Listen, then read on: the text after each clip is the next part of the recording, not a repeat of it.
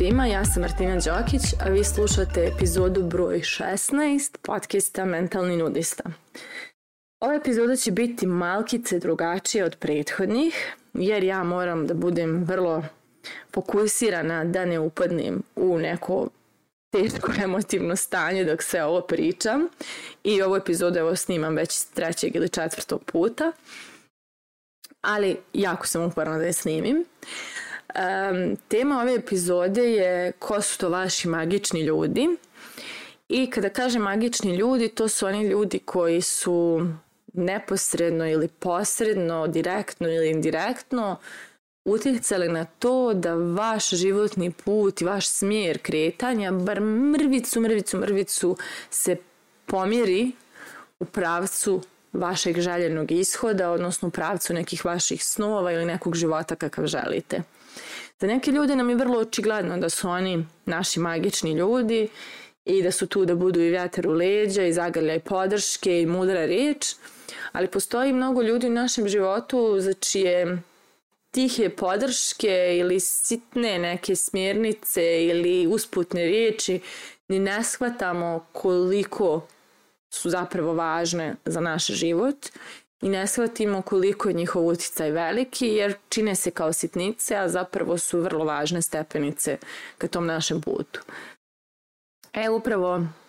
zašto spominjem da je ova epizoda emotivna? Zbog načina na kojim sam se inspirisala da dođem do ove teme, odnosno zbog toga što me inspirisalo da ovo pretvorimo temu podcasta. Pa evo, otkriću vam odmah sve na početku. Ovu epizodu posvećujem mom dragom prijatelju Mihajlu, koji nas je pre četiri mjeseca napustio, odnosno depresija nam ga je odnijela od nas. I zapravo kada izgubite nekoga ko vam je jako drag, um,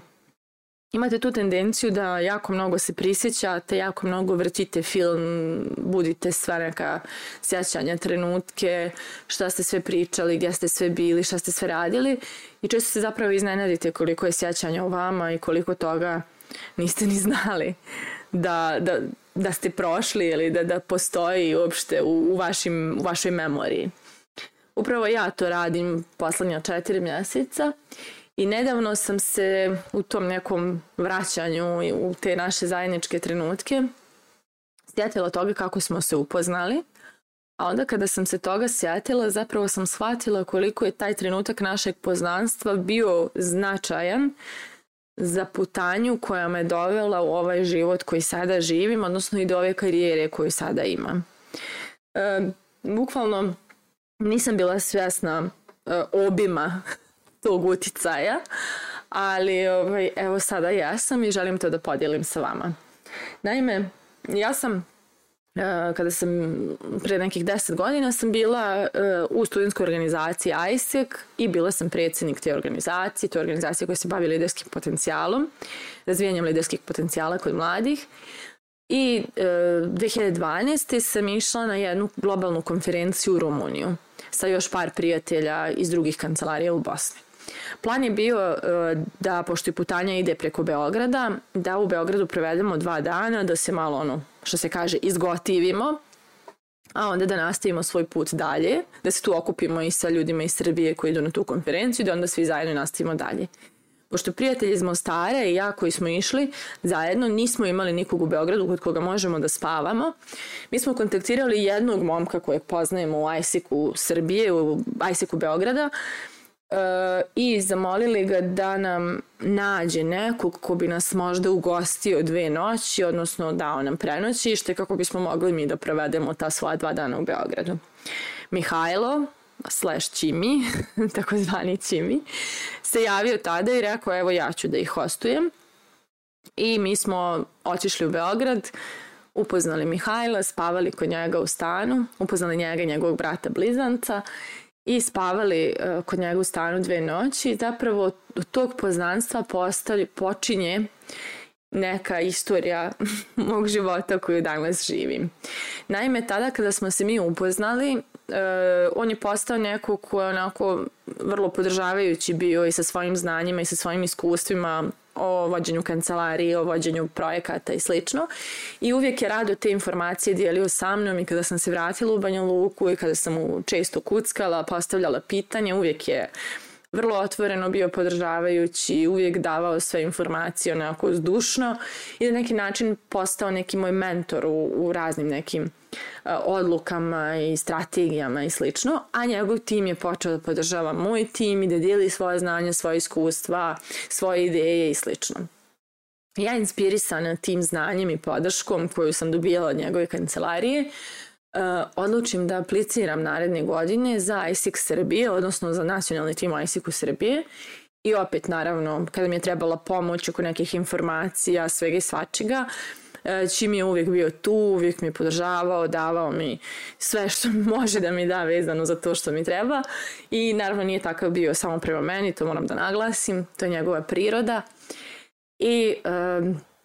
ja sam aplicirala, dobila tu poziciju u Srbiji, preselila se za Beograd, Mihajlo je takođe dobio poziciju u istom timu i tada smo mi narednih godinu dana proveli zajedno u timu, putovali po konferencijama, radili zajedno, um, onako proveli svašta ne, svakakvih nekih raznih trenutaka i teških i lepih I e, dok sam bila u tom timu, ja sam te godine imala priliku da upoznam NLP tako što je edukativni partner tog tima bila upravo jedna NLP kompanija. I tu počinje moj neki kontakt sa NLP-om I tu, jeli, em što sam se preselila u Beograd tada, a to sam od malena željela, em što sam upoznala NLP i dalje se, jel, moj život nastavlja u tom nekom pravcu u Beogradu, ja završam edukacije, postajem trener, naravno bilo je tu bumps on the road mnogo puta, skretanja s puta, vraćanja na put, odustajanja i svašta nešto, ali tu počinje to sve, ta neka inicijalna kapisla. Um, Tako da dok sam vraćala sav taj neki film od, do trenutka našeg upoznavanja, zapravo shvatila sam da je upravo upoznavanje s njim, njegova odluka da kaže evo ja ću da hostujem to dvoje ljudi, Uh, i nakon toga naravno i njegova podrška i otvorenost da, da, da bude tu za sve te neke stvari koje su, me trebale, koje su mi trebale u radu, posle i koje su me inspirisale da idem dalje sve to je tekako bilo vrlo značajno uh, preusmjerenje mog života u baš tom pravcu koji sam, u kojem sam željela da idem. I uh, zapravo baš to poznanstvo je otvorilo za mene neke prilike koje do tada nisu postojale u mom životu, odnosno pružilo mi neke mogućnosti koji su mi bile nedostupne do tada. Druga isto važna stavka, nije zgore ga spomenuti, Eh, baš to veče ja sam upoznala i Mihajlovog brata blizanca koji je par meseci kasnije postao moj dečko, ima jedna, jedna od najvećih ljubavi koje sam imala u životu i um, iz, odnos iz kojeg sam jako mnogo naučila divnih stvari i ponijela jako mnogo lijepih stvari. Tako da u suštini eto jedna sitna odluka je zaista značajno uticala na skretanje mog života i to ozbiljno skretanje, ne sitno skretanje, nego vrlo ozbiljno skretanje u nekom željenom pravcu i uz tu odluku naravno sve ostalo što je taj odnos dalje nosio, to je podrška, to je prisutnost i slično. Tako da, eto, ja sam uspjela to nedavno sve da povežem i nisam imala priliku, to jest nemam priliku da mu se zahvalim uživo za to sve što se što sam saznala, odnosno da mu se zahvalim na tome što je bio moja magična osoba. Ali baš zato želim da ovu epizodu završim u malo drugačijem maniru nego inače, a to je da umjesto da vam postavljam pitanje kako inače radim, imam za vas jedan zadatak. A zadatak je da razmislite